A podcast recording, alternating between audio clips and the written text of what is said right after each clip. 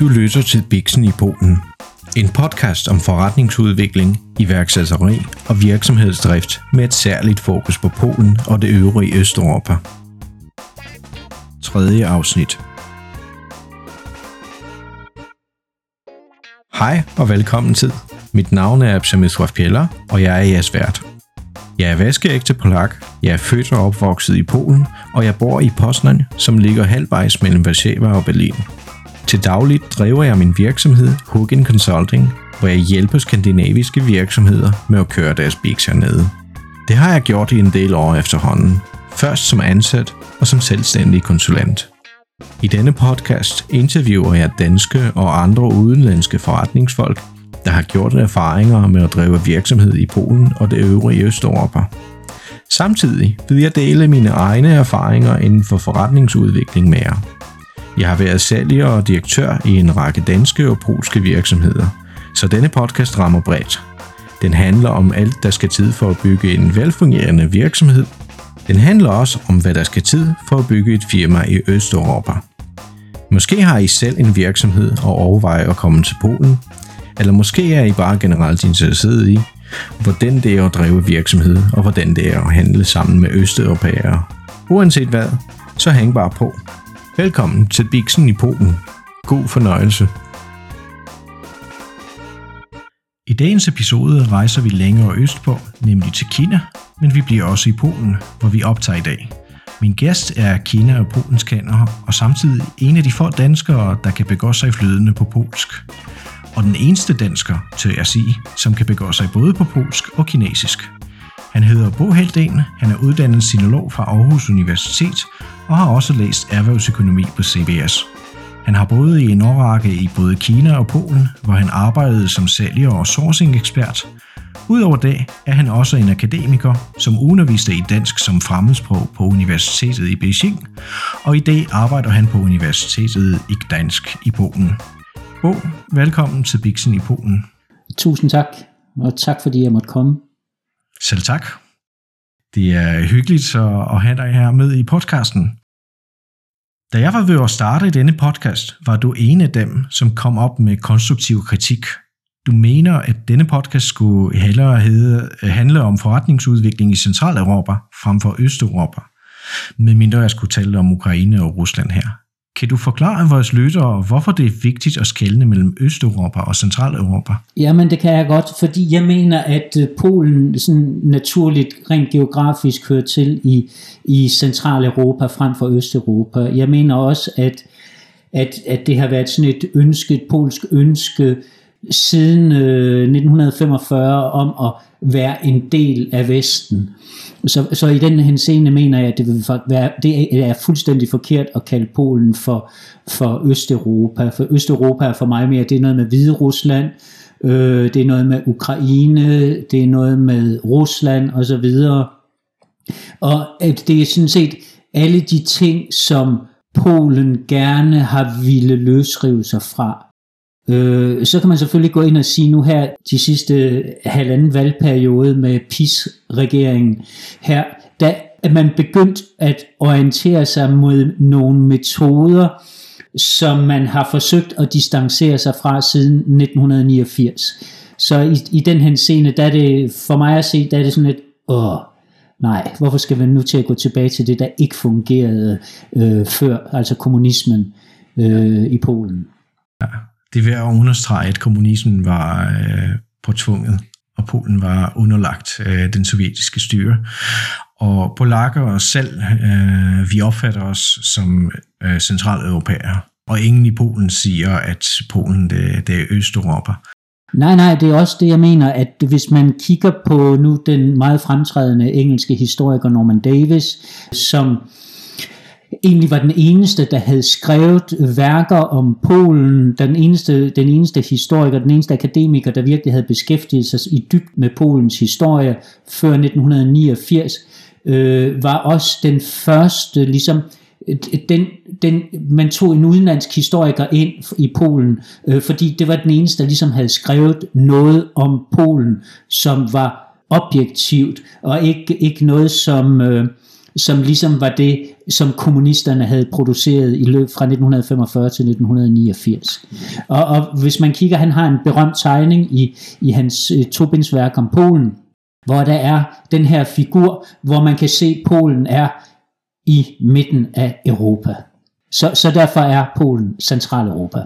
Ja, men øh, Norman Davis han bliver også kritiseret for at være øh, for meget polskvenlig blandt sine kolleger i Storbritannien. Ja, altså nu, nu er det jo et problem med, hvad, hvad vil det sige at være for meget polsk venlig? Hvad vil det sige at være...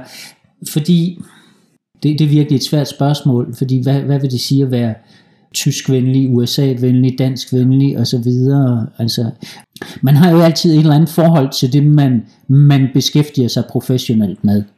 Øh, og forhåbentlig et positivt forhold. Tror du, det kan have noget at gøre med de stereotyper, der er om polakker i Vesteuropa? Ja, der er jo masser af stereotyper om polakker, men ikke bare stereotyper om polakker, der er også stereotyper om, om øh, rumæner, om, om litauer, om, om russere for den sags skyld, om danskere, øh, om svenskere. Øh. Vi danskere har tonsvis af stereotyper om, om svenskerne og vice versa. Øh, og værende halvt svensk har jeg, har jeg selv lige så mange stereotyper om svenskerne. Så. Ja, det er der også en del i Polen. Også nogle stereotyper om østeuropæere. Mm-hmm. Som sagt, polakker opfatter sig selv ikke som øh, østeuropæere, men heller centraleuropæere. Og jeg kan huske en historie en gang, øh, da jeg kørte i bil med min danske chef øh, for cirka 10 år siden. Øh, mange hilsner til dig, Jens, hvis du lytter nu. Øh, der var nogle prostituerede ved vejen, øh, som stod og, og og jægede kunder. Uh, og han spurgte mig om, uh, hvor de kom fra. Uh, så svarede jeg med det samme, uden uh, at give den dybere omtanke, at de kom fra Østeuropa. Uh, og så grinte han, fordi vi var i Østeuropa, vi var i Polen. Så, så det var også dengang, jeg, jeg har fuldstændig opgivet min kamp uh, mod at rette på danskere, og det er derfor podcasten handler om Østeuropa. Fordi uh, jeg synes, at selve uh, betegnelsen Centraleuropa opfattes øh, af mange danskere, at Centraleuropa det slutter på den vestlige grænse af Polen, nemlig Tyskland. Men, men kan vi så ikke kalde det bare Øst- og Centraleuropa, eller det slavisk talende område? Ja, det kunne også godt være. Men øh, tak for det. Øh, så har vi haft en øh, lille forklaring til, hvorfor øh, podcasten hedder sådan. Øh, Bo, kan du fortælle lidt om øh, din baggrund, øh, hvem du er, øh, med dine egne ord? Åh oh ja, det er en øh, blandet landhandel. Øhm, jeg øh, har en bachelor i litteraturvidenskab. Og øhm, på det tidspunkt, der var der ikke så meget fremtid i litteraturvidenskab, og jeg kunne sådan set godt have, have lavet en, øh, have læst øh, i litteraturvidenskab i seks år, og blevet øh, mag art, som det hed dengang. Øh, men Øh, jeg fandt ud af, at, at, at øh, jeg, jeg vidste ikke, hvad jeg ville. Jeg øh, gik øh, op til studievejlederen på Syd, det der dengang hed Odense Universitet, som hedder Syddansk Universitet i dag, og øh, snakkede for at snakke med studievejlederen på på indgangen til studievejledernes kontor, der var der sådan en stor plakat fra Aarhus Universitet, der sagde, læs kinesisk. Så jeg læste, øh, hvad der stod på plakaten, øh, og så var jeg lige overbevist om, det var det, jeg skulle. Jeg gik ikke ind til studievejlederen, jeg gik tilbage til øh, institutkontoret, bad vores sekretær om at måtte låne telefonen, ringede til Aarhus Universitet, præsenterede mig, og så spurgte jeg, kan jeg blive overført til jeres institut?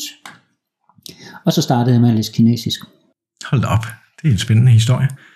Øhm, uden at have nogen som helst forudsætninger. Jeg havde aldrig været i Kina. Jeg havde haft nogle kurser om, om, om Asien og sådan noget. Jeg havde nogle idéer, men øhm, jeg vidste ikke rigtig noget. Okay. Altså, Bo øh, påstår, at han er, han er flydende øh, på kinesisk, og, og, og faktisk bedre på kinesisk end på polsk, og, og jeg må sige, at hans polsk er udmærket. Det er næsten pærpolsk. Så jeg kan desværre ikke verificere hans kinesisk, men øh, hvis det er bedre end polsk, så, så er det meget godt gået. må jeg sige. Men, og, og da jeg så, så læste jeg jo kinesisk, jeg flyttede til Kina, og, øhm, og så da jeg ligesom var færdig, som blev en kandidat i kinesisk, så fik jeg så den her mulighed for at komme til øh, CBS og læse erhvervsøkonomi. Og jeg tænkte, okay, kinesisk og erhvervsøkonomi, der er en eller anden det, det, det klikker ligesom lidt. Og, og det gjorde det også, at jeg kom ud bagefter og fik arbejde og var med til at starte en joint venture op i Kina. Jeg kom tilbage til Danmark, øh, blev ansat på Aarhus Universitet. Det fandt jeg lidt kedeligt. Øh, så kom jeg videre til TDC. Øh, det synes jeg også var kedeligt, fordi det havde det ikke så meget. Der var jeg, der var jeg product manager og arbejdede med internettet, da det lige startede. Og så øh, fik jeg et tilbud fra et firma i Aalborg, som øh, sagde, at øh, vi har brug for en, der kan tale kinesisk. Og jeg var så til samtale øh, med dem, og øh, og jeg siger så til dem, jamen øh, kinesisk, det ved jeg godt noget om, og øh, kinesisk kultur ved jeg også godt noget om, og de siger øh, så, jamen øh, kan du ikke øh, tage ud og undervise de her kinesere i, hvordan øh, man producerer mobiltelefoner? Så siger jeg, mobiltelefoner. Det, det, det vidste du ikke meget om. jeg har ingen idé om, hvordan man producerer. Så siger jeg, det skal du ikke tage dig af, det skal vi nok lære dig. Så gav de mig et tilbud, hvor lønnen den var den var ikke dobbelt så stor, men den var i hvert fald mere end halvanden gang så stor, som den jeg fik i, i hos, øh, hos øh, TDC. Og så kunne jeg ikke sige nej. Så sagde de, der er lige en detalje mere.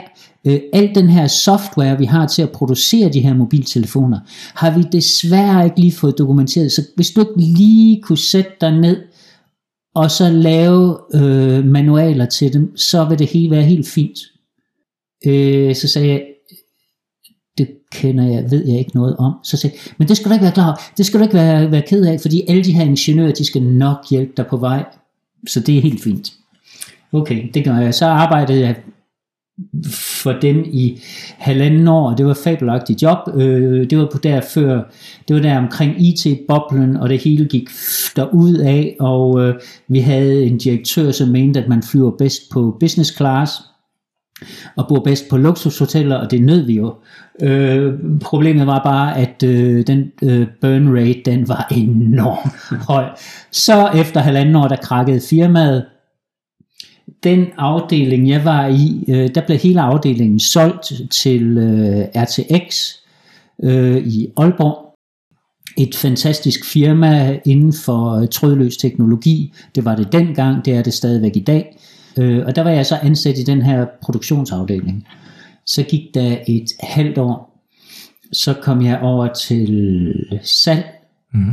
Så du var Key Account Manager hos RTX? Jeg var Key Account Manager i RTX, øh, og øh, fordi der var en hel masse Kina-projekter, de skulle have gang i, øh, og øh, så begyndte jeg at lave salg til Kina.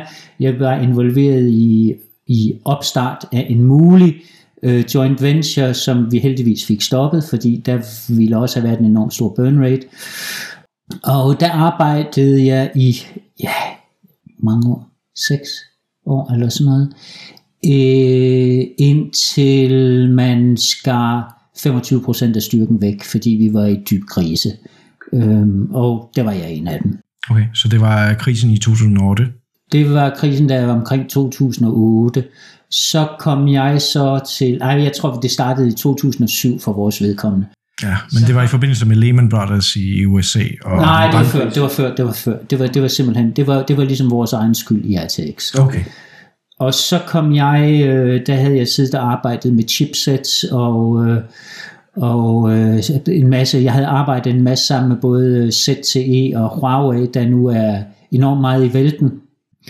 Øh, og, og alle de der øh, teknologier, øh, trådløse teknologier i Kina. Og så kom jeg så til noget lidt andet, også i Aalborg, øh, fordi så kom jeg så videre til et firma, der hed Logimatic, som hedder Aveva i dag, og øh, så kom jeg til at arbejde med kæmpe store produktionssystemer inden for, for øh, skibsbygning. Min opgave den lød så, Bo, du tager til Kina, øh, og jeg tog med, så med den administrerende direktør, og øh, vi skulle så øh, sælge rundt til alle skibsværfter, og der er mange i Kina, og forsøge at sælge vores system. Øh, vi fik den første kunde, en ordre på, jeg tror 10 millioner kroner. Øh, vi fik en anden kunde, der var så var en ordre, der var dobbelt så stor. Og så blev jeg projektleder på det første, så der arbejdede jeg. Jeg havde så et to år, hvor jeg pendlede frem og tilbage mellem Danmark og Kina, så det var så 14 dage i Danmark, 14 dage i Kina, 14 dage i Danmark, 14 dage i Kina, 14 dage i Danmark, 14 dage i Kina. Øh, og på et eller andet tidspunkt, så havde jeg mødt en øh, meget sød polsk pige, som jeg er gift med i dag, øh, og øh, jeg var, øh, hvad skal man sige, jeg var sådan, ved at jeg havde led af kronisk jetlag, og øh, så var det så, at øh, min øh, søde kæreste, hun sagde til mig, at øh, hvis, det, vi skal, hvis, hvis det skal være noget mellem os, så bliver jeg enten nødt til at komme, komme til Danmark, eller også så øh, bliver du nødt til at komme til Polen, og jeg kommer ikke til Danmark, fordi jeg har lige fået det her fantastisk gode job. Øh, okay, sagde jeg så, det var også whatever. øh, og så øh, blev beslutningen taget, at så sagde jeg mit job op, øh, mit gode, velbetalte job, og så flyttede jeg til Polen til og startede på et øh, intensivt øh, kursus, øh, polsk kursus på universitetet her i Poznan. Det var modigt, men det er sådan, når hjertet kalder. Ja, det, ja, indimellem bagefter har jeg tænkt på, hvad, hvad pokker var det, jeg gjorde, altså, men, men jeg har aldrig fortrudt det. Du har aldrig fortrudt det. Ja, det, det kan jeg godt forstå. Og, og det var faktisk også mit øh, næste spørgsmål, fordi jeg var nysgerrig efter at, at vide, hvad der skete, at du lige pludselig koblede polsk og kinesisk sammen. Jeg synes ikke, der er nogen andre end dig, som både kan kinesisk og polsk. Nej, men det, det, det, var jo, det var jo simpelthen, det var jo, det var jo mødet med, med min kæreste, der ligesom forsagede det, og så begyndte jeg at gå på, så begyndte jeg at gå på, øh, hvad hedder det, øh, der var sådan noget øh, lørdags åbent universitet om lørdagen i Odense, så hver lørdag, så kørte jeg så fra Aalborg, altså når jeg var hjemme fra Kina, så kørte jeg så fra Aalborg til Odense, havde øh, 8 timers polsk, så kørte jeg så tilbage, og så tog jeg måske dagen efter, tog jeg måske til Kina, og så kom jeg måske hjem 14 dage senere, og så tog jeg så til, til Odense, og så pendlede jeg sådan frem og tilbage, mm. for at lære polsk. Men så på et eller andet tidspunkt, da jeg så, så fandt jeg så ud af, at ah, okay, nu flytter jeg så til Polen, så pakkede jeg min bil, med alle de ting, jeg skulle have med i første omgang, og alle, alle andre ting, de blev så opmagasineret i Aalborg. Og så øh, kørte jeg ned, og så startede jeg her, flyttede jeg ind hos, hos min kæreste i Poznan, og så, ja. Yeah. Hvornår var det? Det var i 2009. Så det er nu for 12 år siden. Gud, det er 12 år siden, ja. Ja så, så startede jeg på, at, på det her intensiv kursus, og så efter det, så begyndte jeg sådan at tage privatundervisning, også meget intensivt. Og så var jeg til min første, sådan efter, ja, hvad har det været, 8-9 måneder, så var jeg så til min første, til min første, øh, til min første og eneste jobsamtale i et polsk firma. Ja, hvor jeg så var til en jobsamtale på polsk, og jeg sagde så til, det var, det var et firma, der hed, hedder Pago, øh, som, øh, som øh, havde på det daværende tidspunkt tre frysehuse, det tidligere blev, senere blev udvidet.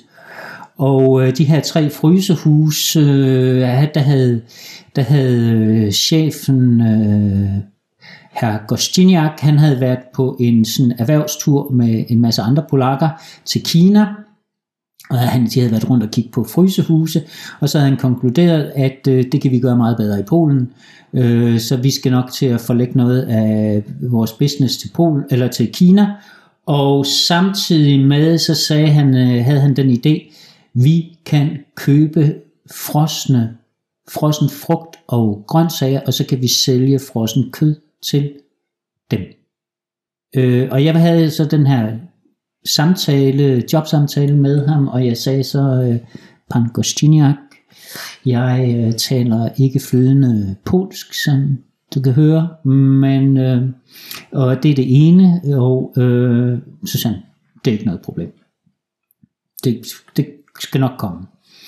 Øh, så det andet, det var, sagde jeg så, at øh, min viden om frossen frugt, grøntsager og kød er lige med 0. øh, og så sagde han, det er heller ikke noget problem. Det er ikke øh, raketvidenskab, det skal du også nok lære. Så, så startede jeg der. Og endte med at købe 500 tons frosne jordbær, øh, samt en masse andre ting. Øh, og øh, øh, øh det belastede Parkos øh, budget rigtig meget, og øh, de var på et tidspunkt ved at blive rigtig sur på mig, øh, men øh, alt gik godt, da høsten her i Polen og øh, andre lande i Europa slog fuldstændig fejl, og lige pludselig så var det guld, vi stod med guld fra Kina. Og, og det blev solgt til meget høje priser. Så, øh, så fra at jeg først var blevet kritiseret for, hvorfor har du købt så meget, øh, og jeg siger, men det var jo det, I ville, øh, så blev det sådan set, hvorfor har du ikke købt mere? ja. Var det helt tilfældigt, at havde nogen indsigt i branchen, at ingen som helst indsigt i branchen. Men, men jeg havde, øh, jeg snakkede jo med nogle af de der eksperter, der ligesom, øh, der ligesom øh, vidste, hvad, hvad, hvordan og hvorledes og kendte noget til kvalitet, og jeg var rejst til Kina sammen med, med ejerens søn, der så var ham, der stod for den daglige drift af firmaet, og så en, øh, en super ekspert i frosne grøntsager og, og frugt fra Bordeaux. Jeg havde lavet en masse, jeg havde øh, skabt en masse kontakter i Kina, og så rejste vi rundt og kiggede og købt op og så videre. Så jo. Så, så man kan sige, du har en hel masse erfaring med Polen og Kina og også Danmark, fordi du naturligvis er dansker. Så i dette øje med, så, så vil jeg gerne spørge til øh, de forskelle, der er mellem øh, kineser og polakker. Nu opfattes begge lande som lavtlønslande, og, og, og danskere de samarbejder med både polakker og kinesere, og det er primært øh, sourcing af, af billigere komponenter fra enten Kina eller Polen. Øh, men hvordan er øh, polakker og kinesere i forhold til hinanden? Hvilke forskelle der er mellem de to folkefærd?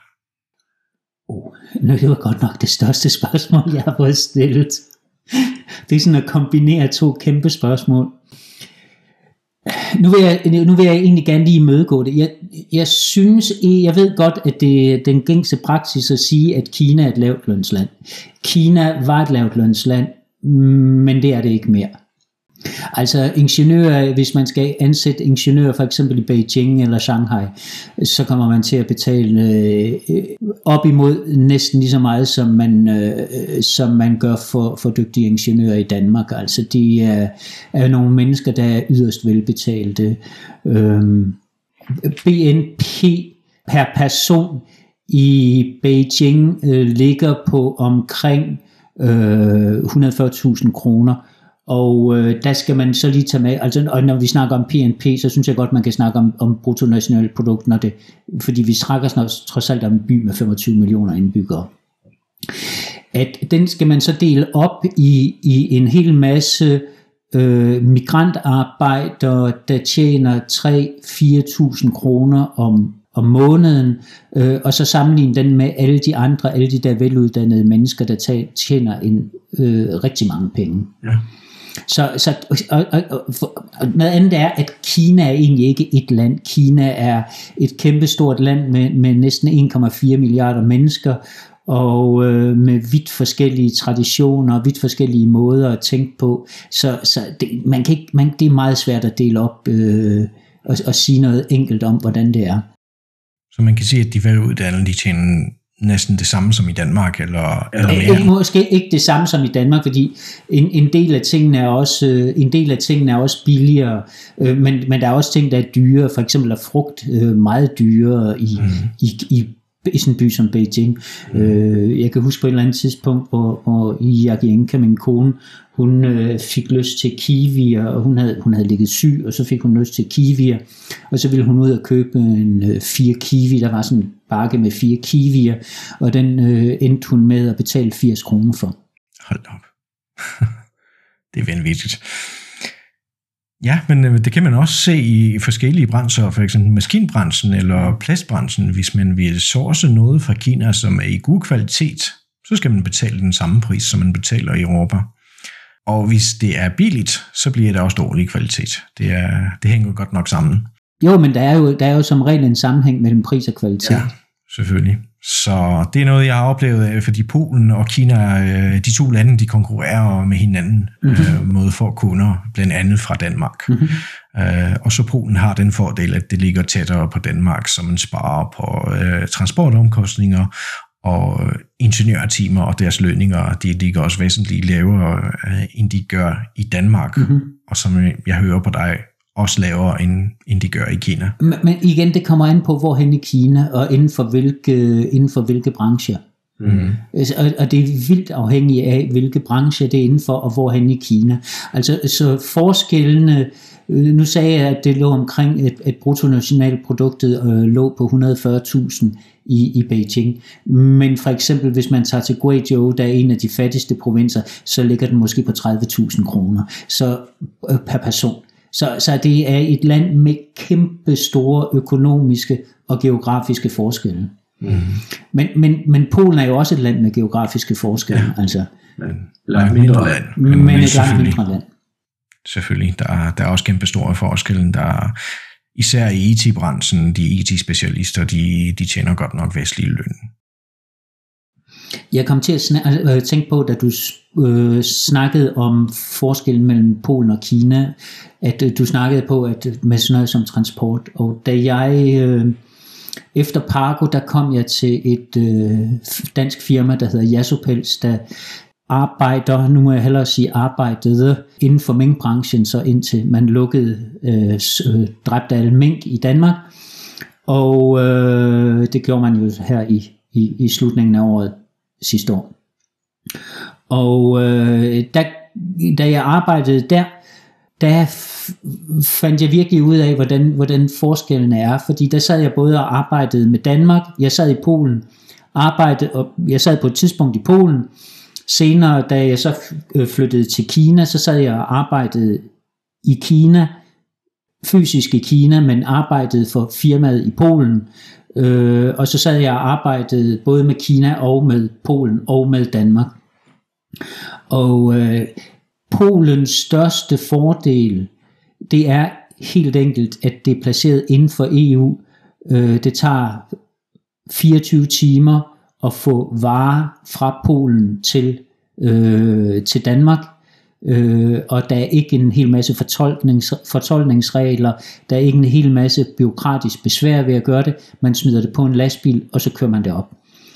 Til gengæld så øh, ved jeg også med alle de ting, jeg har importeret fra, fra Kina til Polen, eller bare fra Taiwan til Polen, at for det første, så er der en uendelig masse, der for så først besvær med at overføre penge, øh, der er besvær med at, øh, med at få det fortolket, når det kommer til Polen. Det polske tolvbyråkrati er meget, meget svært at danse med. Der er virkelig mange ting, der skal dokumenteres. Er det så nemmere at importere oh. til Danmark? Øh, det er nemmere at importere direkte til Danmark. Det er nemmere at sende det direkte til Danmark, end det er, hvis det skal bruges i Danmark.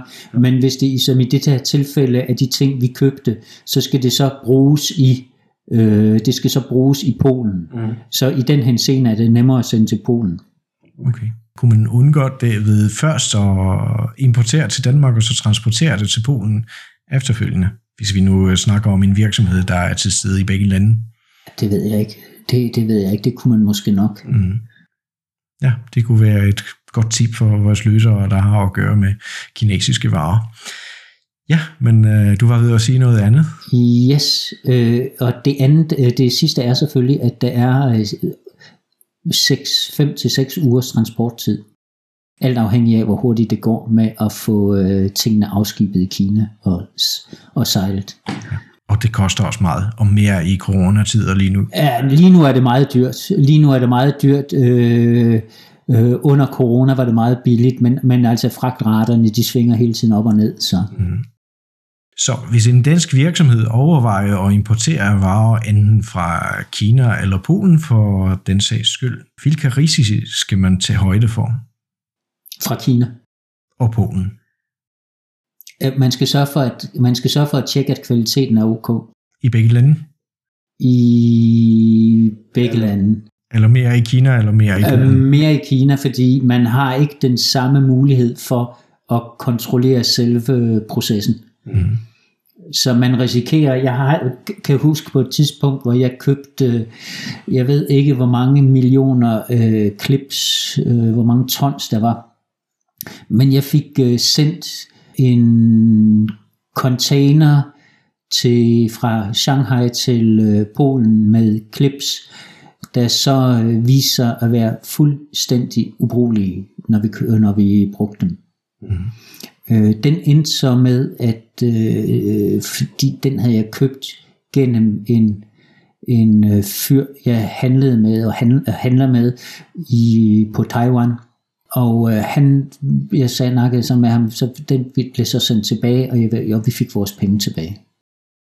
Okay, så, så der var ikke nogen problemer med Så der var ikke nogen problemer, men jeg var ret sikker på, at jeg er en af de få personer, der har øh, det lykkes for at, øh, at få, få penge tilbage og få sendt noget tilbage og få sig smidt i hovedet på på, på det der firma.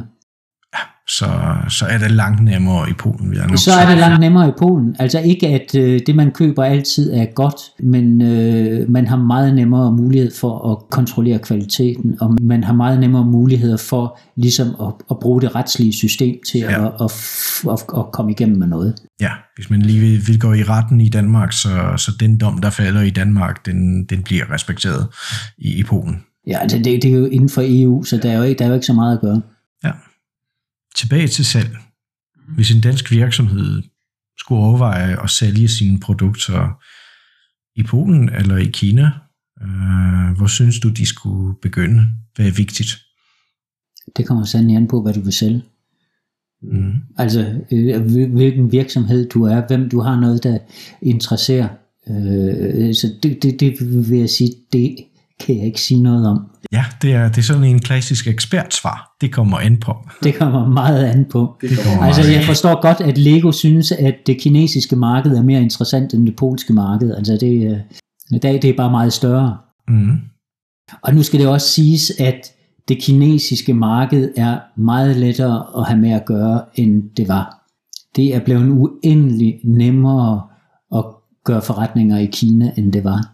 Indtil 2010 2011 var det bare møg besværligt. Særligt ved at sælge noget. Køb noget kan man altid. Ikke noget problem. Øh, men at sælge noget, det var virkelig, det var virkelig kompliceret.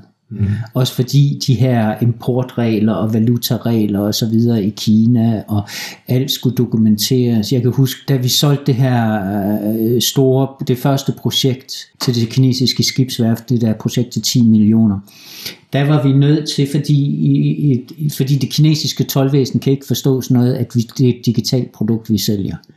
Øh, det, det er know-how, et digitalt produkt og sammenblandet med know-how.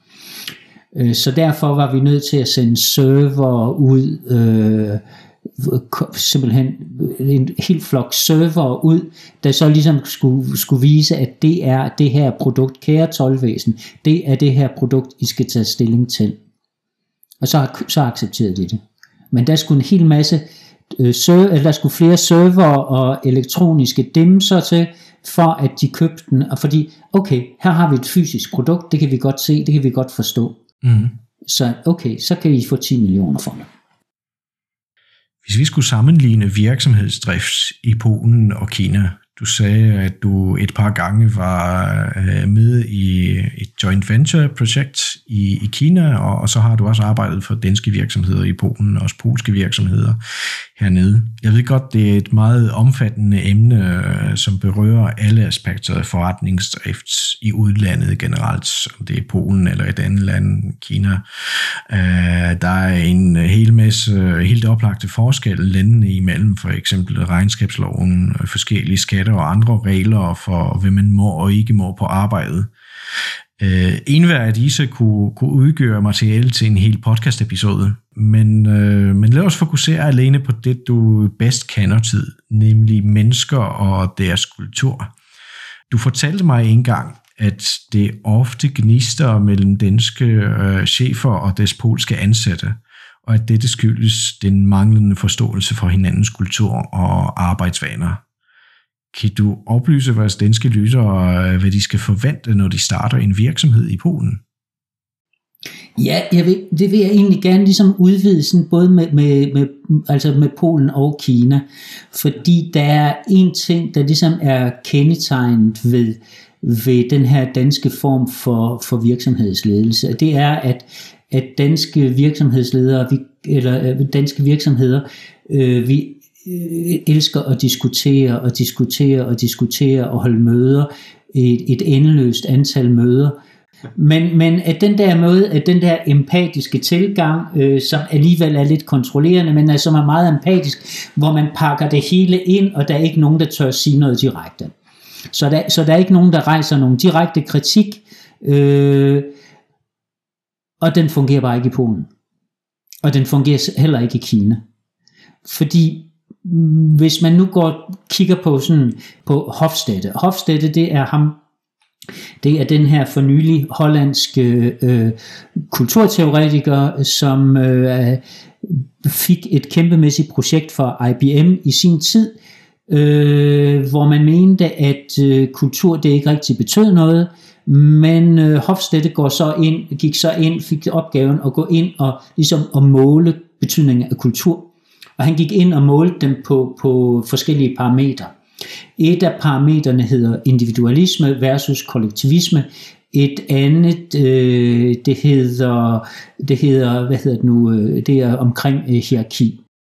Der var også noget om maskulinitet. Maskulinitet, femininitet, femininitet, femininitet. Et svært ord. Ja, det er et svært ord.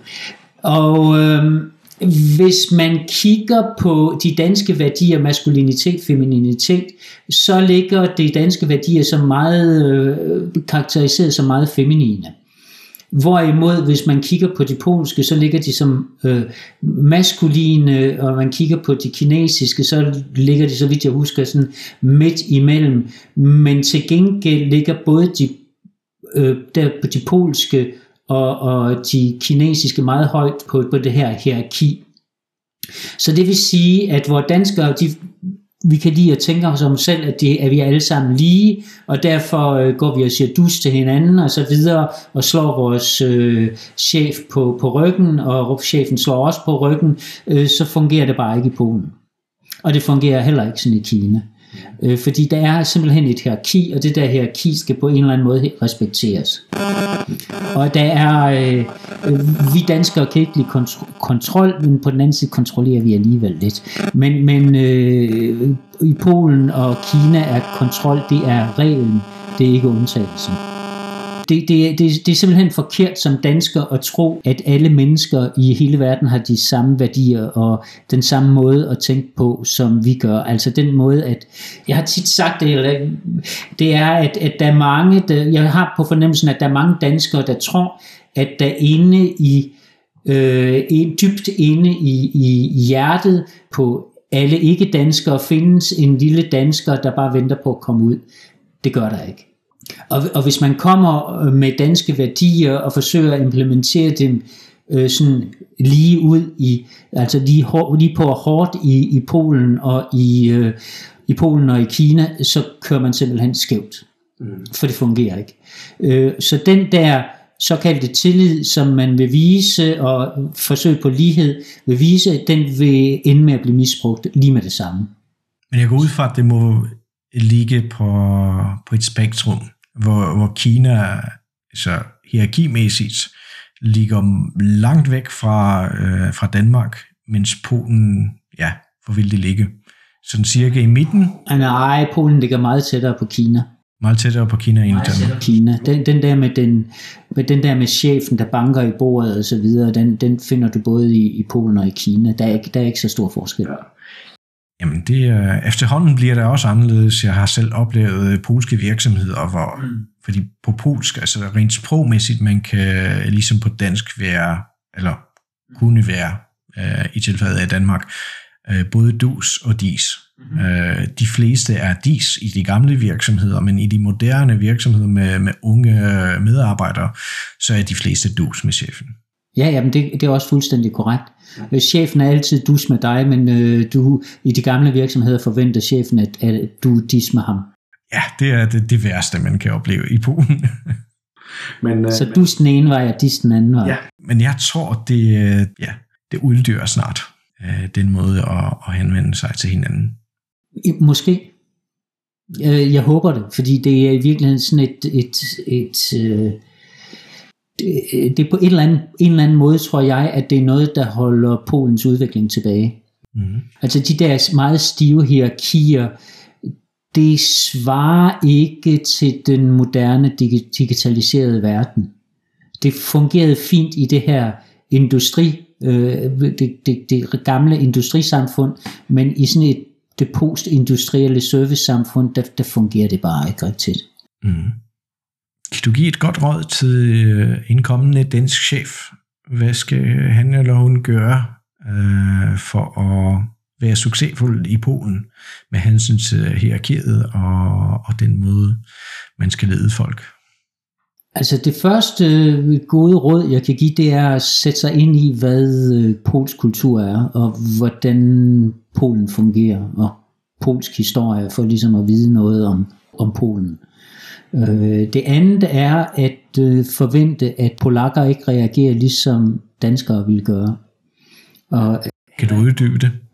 Altså, en ting, en, en, en, en, et af de meget karakteristiske ting, det er, at i Danmark forventer en chef, at en ansat kan godt finde ud af at tage ansvar selv og gennemføre nogle ting selv, uden at behøve konsultere med chefen. Mm så er ligesom er selvdrevet. I Polen, hvis man kommer og kommer med de her selvdrevne, øh, det her selvdrevne initiativ, øh, så risikerer man at få en over nakken. Øh, fordi øh, det er meningen, at man skal konsultere med sin chef, hvad man skal gøre. Til gengæld vil det ofte være sådan, og det har jeg faktisk set i adskillige polske virksomheder, at hvis man ikke får, hvis chefen ikke kommer og giver en besked, giver en ordre, så kommer folk bare til at sidde og lave ikke ret meget. Noget andet er, det her er selvfølgelig meget afhængig af, hvilken type virksomheder det er.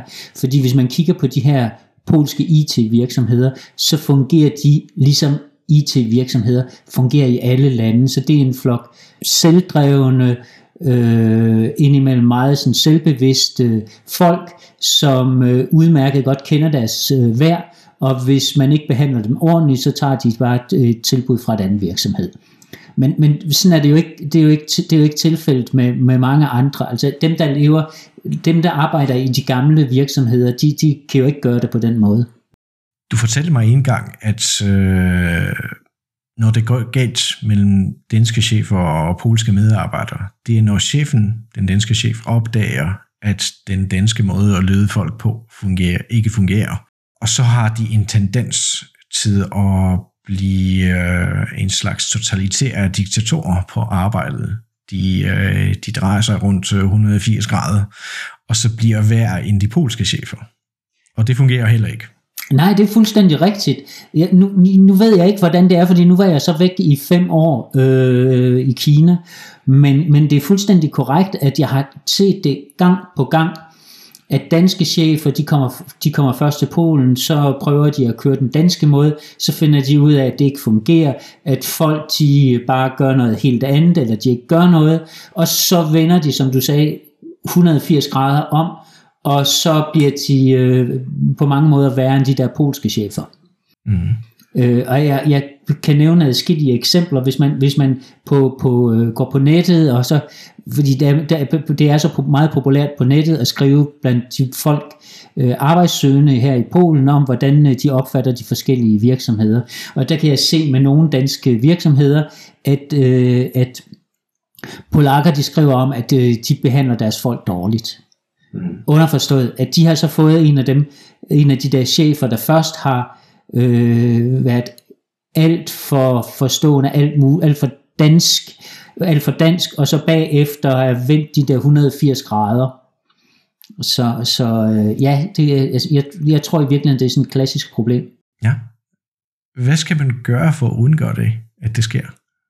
Ved du hvad, jeg tror, det er meget øh, individuelt. Jeg tror, det drejer sig om, at, øh, at øh, den danske chef øh, skal tilpasse sig, og at, øh, at man skal finde en eller anden, øh, en eller anden måde, og at han eller hun skal finde en eller anden måde at, at gribe det an på. Mm.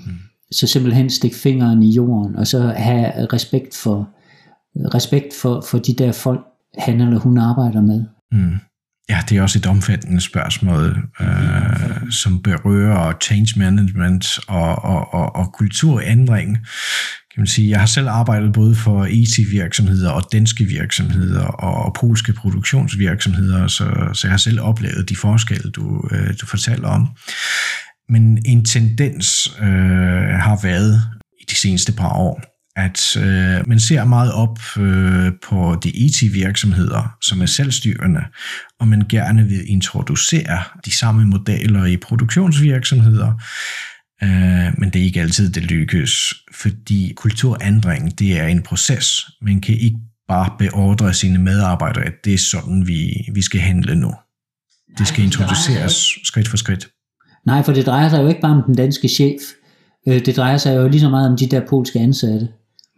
Så det drejer sig om, sådan, fordi kulturændring, det er sådan en meget gradvis proces. Men det er i hvert fald den, der har ansvaret for at, at, at starte den op, er selvfølgelig, den, øh, er selvfølgelig chefen. Mm. Det, det, kan jo ikke komme, det skal jo ikke være et initiativ, der, eller det hverken, hverken skal eller kan være et initiativ, der kommer fra, fra, de, fra de menige ansatte. Mm. Synes du, at kommunikationen kan, kan være et problem? Det ved jeg ikke, om kommunikationen kan være et problem, men jeg synes, at der hvor den måske hænger, det er den der med, med forståelsen for, for hinanden. Altså forståelsen for, hvordan, øh, hvordan tingene fungerer. Jeg tror, og nu ved jeg godt, at der er sikkert er mange, der synes, at det er noget hø, og at det, det er unødvendigt. Øh, men jeg kan sige, at, at både i, i Polen og i Kina, der er det en god idé, hvis, hvis den, der skal være chef, han taler henholdsvis polsk eller, eller kinesisk. Altså, mm. Det giver, det mindsker distancen ganske betydeligt. Ja, det, det har polakkerne stor respekt for, hvis nogen gider lære sproget. Men noget andet er, så jeg har også på fornemmelsen, at, at det gælder også både for polakker og kinesere, og det gælder garanteret også for danskere, hvis de fik en eller anden fransk chef, som ikke talte dansk, at man opfatter nogen som sådan noget, nogen udefra kommende, der bare vil hive noget ned over hovedet på folk. Så øh, hvis man nu taler, hvis man kommunikerer på det samme sprog, så, så reducerer man ligesom det, det her med, at det er en fremmed, øh, og, og, og, og, og der kommer og beordrer os til noget. Mm.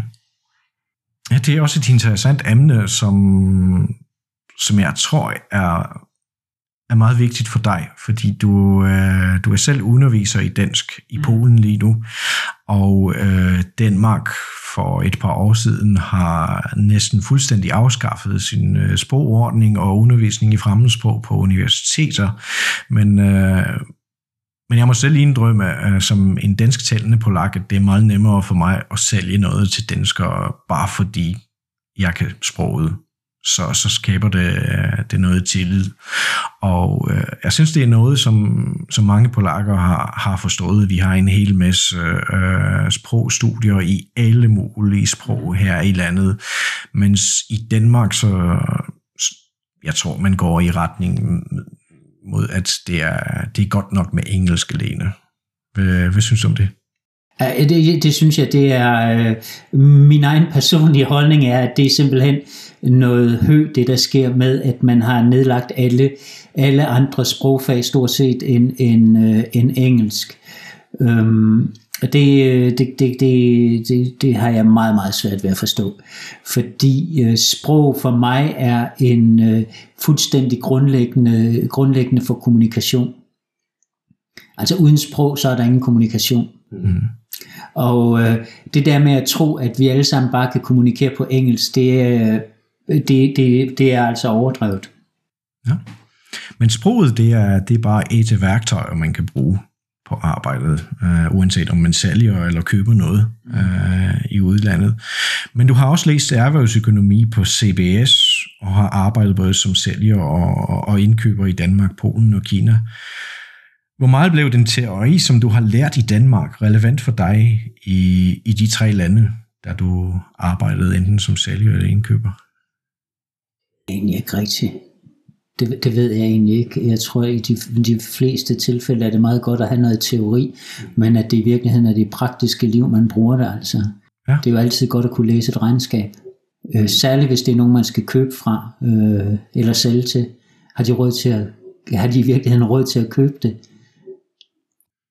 Hvordan er det fra kinesisk perspektiv? Jeg har selv, øh, var, jeg har selv været i kontakt med mange kinesiske sælgere, der har forsøgt at sælge mig noget, og de, de gjorde næsten aldrig et godt indtryk på grund af et dårligt, ja, dårligt engelsk og, og mangel på øh, hvad det? kulturel forståelse. Kulturel forståelse og, og, og kommunikationsevner. Mm-hmm.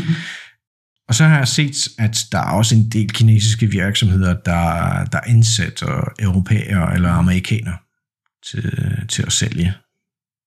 Øh, hvordan er det generelt for kinesere? At dem, der har lært sproget, nu, nu har du også undervist i dansk i, i Kina, bliver dine studerende bedre til at sælge til Danmark? Jeg går ud fra, at de, øh, de arbejder for kinesiske virksomheder og har at gøre med Danmark. Nu, nu arbejder de forskellige steder. De arbejder for, nogle arbejder for danske virksomheder, andre arbejder for kinesiske virksomheder, øh, nogle arbejder for det kinesiske udenrigsministerium osv. Det, det, øh, det, er, det er svært at sige. Der er ikke, der er ikke sådan en indgyldig, indgyldig jobprofil. Det er der heller ikke med, med mine polske studerende nu. Mm. Så, så det, er, det er lidt svært at sige der, der er mange af de her, nu de studerende, de, de polske studerende nu, der kommer til at arbejde i de her shared service centers, hvilket jeg måske ikke synes er særlig ideelt, øh, hvis, man, hvis man først bruger en del år på at lære dansk.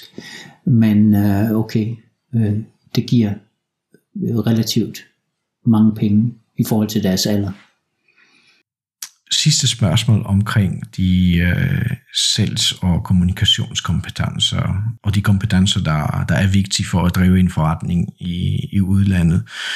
Hvis du skulle pege selv på de tre vigtigste kompetencer for en dansk chef i Polen og i Kina, hvad ville det være? Det ville være, at øh, altså nu som filolog og sprogunderviser, vil jeg nok sige, øh, på ja, universitetet. Sproget. sproget. Øh, det næste vil være at lære øh, kulturen at kende. Øh, og det tredje vil være at øh, stikke fingeren i jorden og være tålmodig. Hvordan stikker man fingre i jorden i Polen? Hvordan stikker man fingeren i jorden i Polen? Man stikker fingeren i jorden i Polen, tror jeg, på samme måde, som man gør det i Kina eller i Danmark. Det vil sige, at vi trækker vejret et par gange, inden man, man reagerer på noget. Øh, en, en vis form for tålmodighed, den, øh, den, den, den, den er god at have. Ja, det er bedre at lytte frem for at sige. Øh, det er bedre at lytte. Frem for at snakke. Ikke bare fare frem med noget. Øh, Mm-hmm. For, fordi igen er der den der, når der kommer en eller anden, om det, det er jo lige meget hvorhen det er, når der kommer en eller anden udlænding, der forsøger at, som man, for, som man opfatter som forsøgende at bosse sig frem, så, så, øh, så vil det næsten altid backfire. Det, det, det har altid en negativ effekt. Mm-hmm. Det, det er muligt, at man i første omgang kan få noget til at ske, men det skaber tit sådan en inerti i en organisation. Og, og så kan man sige en ting, der er en ting, der er vigtigt at lægge mærke til, det gælder både med polakker og kinesere, at både polakker og kinesere er væsentligt mere stolte end danskere er, og de har væsentligt nemmere ved at blive såret. At have fået sårede følelser. Eller fornærmet. Øh, blive fornærmet. Ja. Øh, fornærmet er nok en god, en, et godt ord. Ja. Hvordan ser du selv på samarbejdsperspektiver mellem Danmark, Kina og Polen? Uh, det er et stort spørgsmål igen. Mm. Jeg ser, nu kan man jo ikke bare sige samarbejdsperspektiver mellem Danmark og Kina, fordi øh, samarbejdsperspektiver, det er mellem, vil jeg nok sige, det er mellem, øh, mellem Europa og Kina, og de er jo ligesom frosset ned til, til kølepunktet for tiden. Mm. På grund af covid-pandemien? Uh, nej, på grund af Xi Jinping mere end uh, på grund af covid. Mm. Men uh, det, er jo ikke, det er jo ikke nogen hemmelighed, at, at jeg mener, at Kina har øh, udviklet sig i en mere og mere negativ retning fra Xi Jinping overtog magten i 2012 og så til i dag.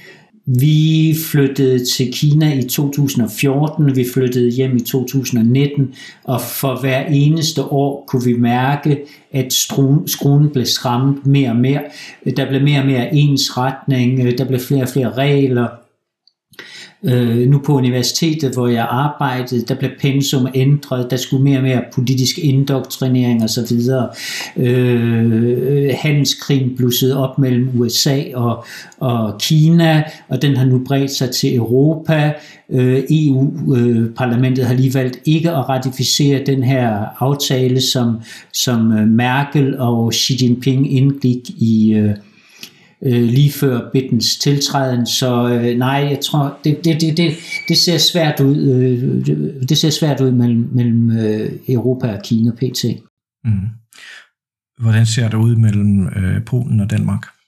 Øh, nu skal jeg selvfølgelig passe på at skille mit personlige synspunkt fra sådan et mere objektivt synspunkt, fordi jeg har det som cirka halvdelen af polakkerne har det, at de synes, at Polen under PIS-regeringen øh, er gået i en forkert retning. Og øh, jeg er, er ligesom en stor del af polakkerne, sådan blev mere og mere negativ på, øh, på Polens udvikling, øh, også efter hvordan Polen har håndteret covid, hvilket er blandt de lande, der har håndteret det mindst godt. Og øh, Altså, Polen skal simpelthen nok klare sig, men, men spørgsmålet er, at, at det er, virkelig, det er virkelig et kompliceret spørgsmål, fordi jeg synes, jeg, synes, jeg synes, at i forhold til EU og altså resten af EU-landene med undtagelse af Ungarn, så har Polen simpelthen øh, skudt sig selv i foden. Øh, man vil gerne have EU's, alle midlerne fra EU's, øh, alle milliarderne fra EU's puljer, men man er ikke villig til at indrette sig og implementere de der regler, som er fælles regler i EU, som alle de andre lande forventer. Så, så jeg synes også, at, at forholdet mellem EU og, og Polen er, er mere og mere kompliceret. Har det haft stor påvirkning på øh, erhvervslivet i Polen? I første omgang øh, ikke umiddelbart, nej. Ligesom det egentlig ikke har haft det i Kina. Øh, men spørgsmålet er, hvordan det kommer til at blive i fremtiden.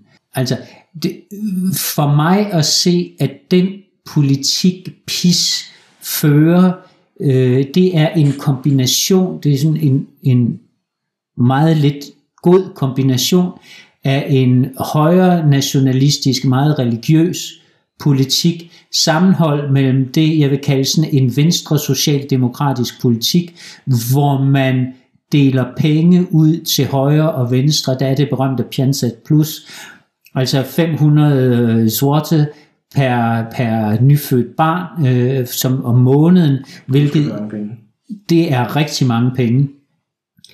Og, og, og, og pengene de fosser ud af statskassen her i Polen. Øh, nu snakker de om at lave en såkaldt polsk New Deal, hvor man vil omlægge skatte øh, hvor man vil omlægge skattebetalingen, og, og den eneste grund til, at man vil lave den her New Deal, er, at der simpelthen mangler penge i kassen. Og altså, der er jo nogen, der skal betale for det, og, og jeg tror, at dem, der kommer til, jeg har, jeg har, jeg frygter, at dem, der kommer til at betale for det, det er polsk erhvervsliv. Så, så nej, jeg, jeg, jeg synes, at øh, jeg synes, at den polske regering gør det mere og mere vanskeligt for sig selv. Desværre. Fordi Polen havde, øh, Polen er jo ligesom som Kina et land, hvor, hvor økonomien er gået fra at være næsten ingenting, og så bare eksploderet i løbet af 20-30 år. Det, det, er jo virkelig, det, det er jo virkelig to øh, lande, hvor man kan kalde sådan noget erhvervs, erhvervsvidunder, men at øh, man desværre i begge lande har en, øh, en ledelse, der, der på mange måder modarbejder det her. Tror du, det bliver svært for polakker at gøre det godt igen? Nej, det tror jeg egentlig ikke. Øh, men, men det kræver måske en ny regering. Mm. Det kan selvfølgelig godt være, at det er mit personlige sådan, negative indtryk af, af, af PIS-regeringen, og, øh, og, og min manglende, at det at jeg ikke bryder mig om, at, at man fører sådan en, en, religiøs, en politik øh, baseret på religiøse dogmer og forsøg på at påtvinge øh, religiøse idéer, trække i, religiøse idéer ned over hovedet på, på, på andre mennesker, men... Øh, Nej, det tror jeg egentlig ikke. Jeg tror, hvis, man, hvis Polen ligesom fik en ny regering, der forsøgte at vende, øh, vende bøtten om igen, så, så tror jeg, at Polen ville blive accepteret med det samme. Bortset fra politik, synes du, det er et godt tidspunkt for at starte noget i Polen, for at investere i Polen? Jeg er ikke så meget inde i polsk skattelovgivning, men, men hvis, øh, hvis, øh, de der, hvis de firmaer, der etablerer sig, bliver dem, der kommer til at betale for, for det nye skattesystem, så, så gør det måske ikke.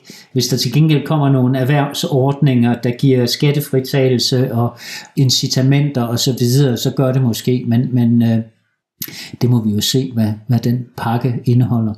Ja, så lige nu er det mere valgpropaganda selvom der ikke er valg øh, i den nærmeste fremtid, men øh, der blev ikke no- udarbejdet nogen lovforslag, som, som man kan vurdere konkret, hvilke tiltag man... Nej, nej, det, det virker som sådan en sædvanlig pis der, at øh, Huhaj Vilde Dyr, vi laver en plan, øh, som vi smækker sammen på to måneder, øh, og så må vi ligesom øh, prøve os frem. altså, men, men i virkeligheden ligner det jo sådan meget altså den der øh, sådan en Anker Jørgensen økonomi med, at øh, nu skal vi bare tage pengene ind fra de, fra de, fra de såkaldte rige, og så kan vi dele dem ud til, til, til, til almindelige mennesker. Mm. Bo, det var enormt interessant øh, at tale med dig. Mit sidste spørgsmål, det er, om der er noget, som jeg burde have spurgt dig om, men som jeg ikke gjorde. Uh, det ved jeg ikke. så har vi dækket det hele. Jeg tror, vi har dækket det hele. Super. Jamen, øh, så siger jeg tusind tak for, at du vil være med. Og jeg siger tak, fordi jeg måtte være med. Jeg måtte være med. Det var en fornøjelse. Tak. I lige måde. Du lyttede til det tredje afsnit af Bixen i Polen. Tak for denne gang, og på genhør.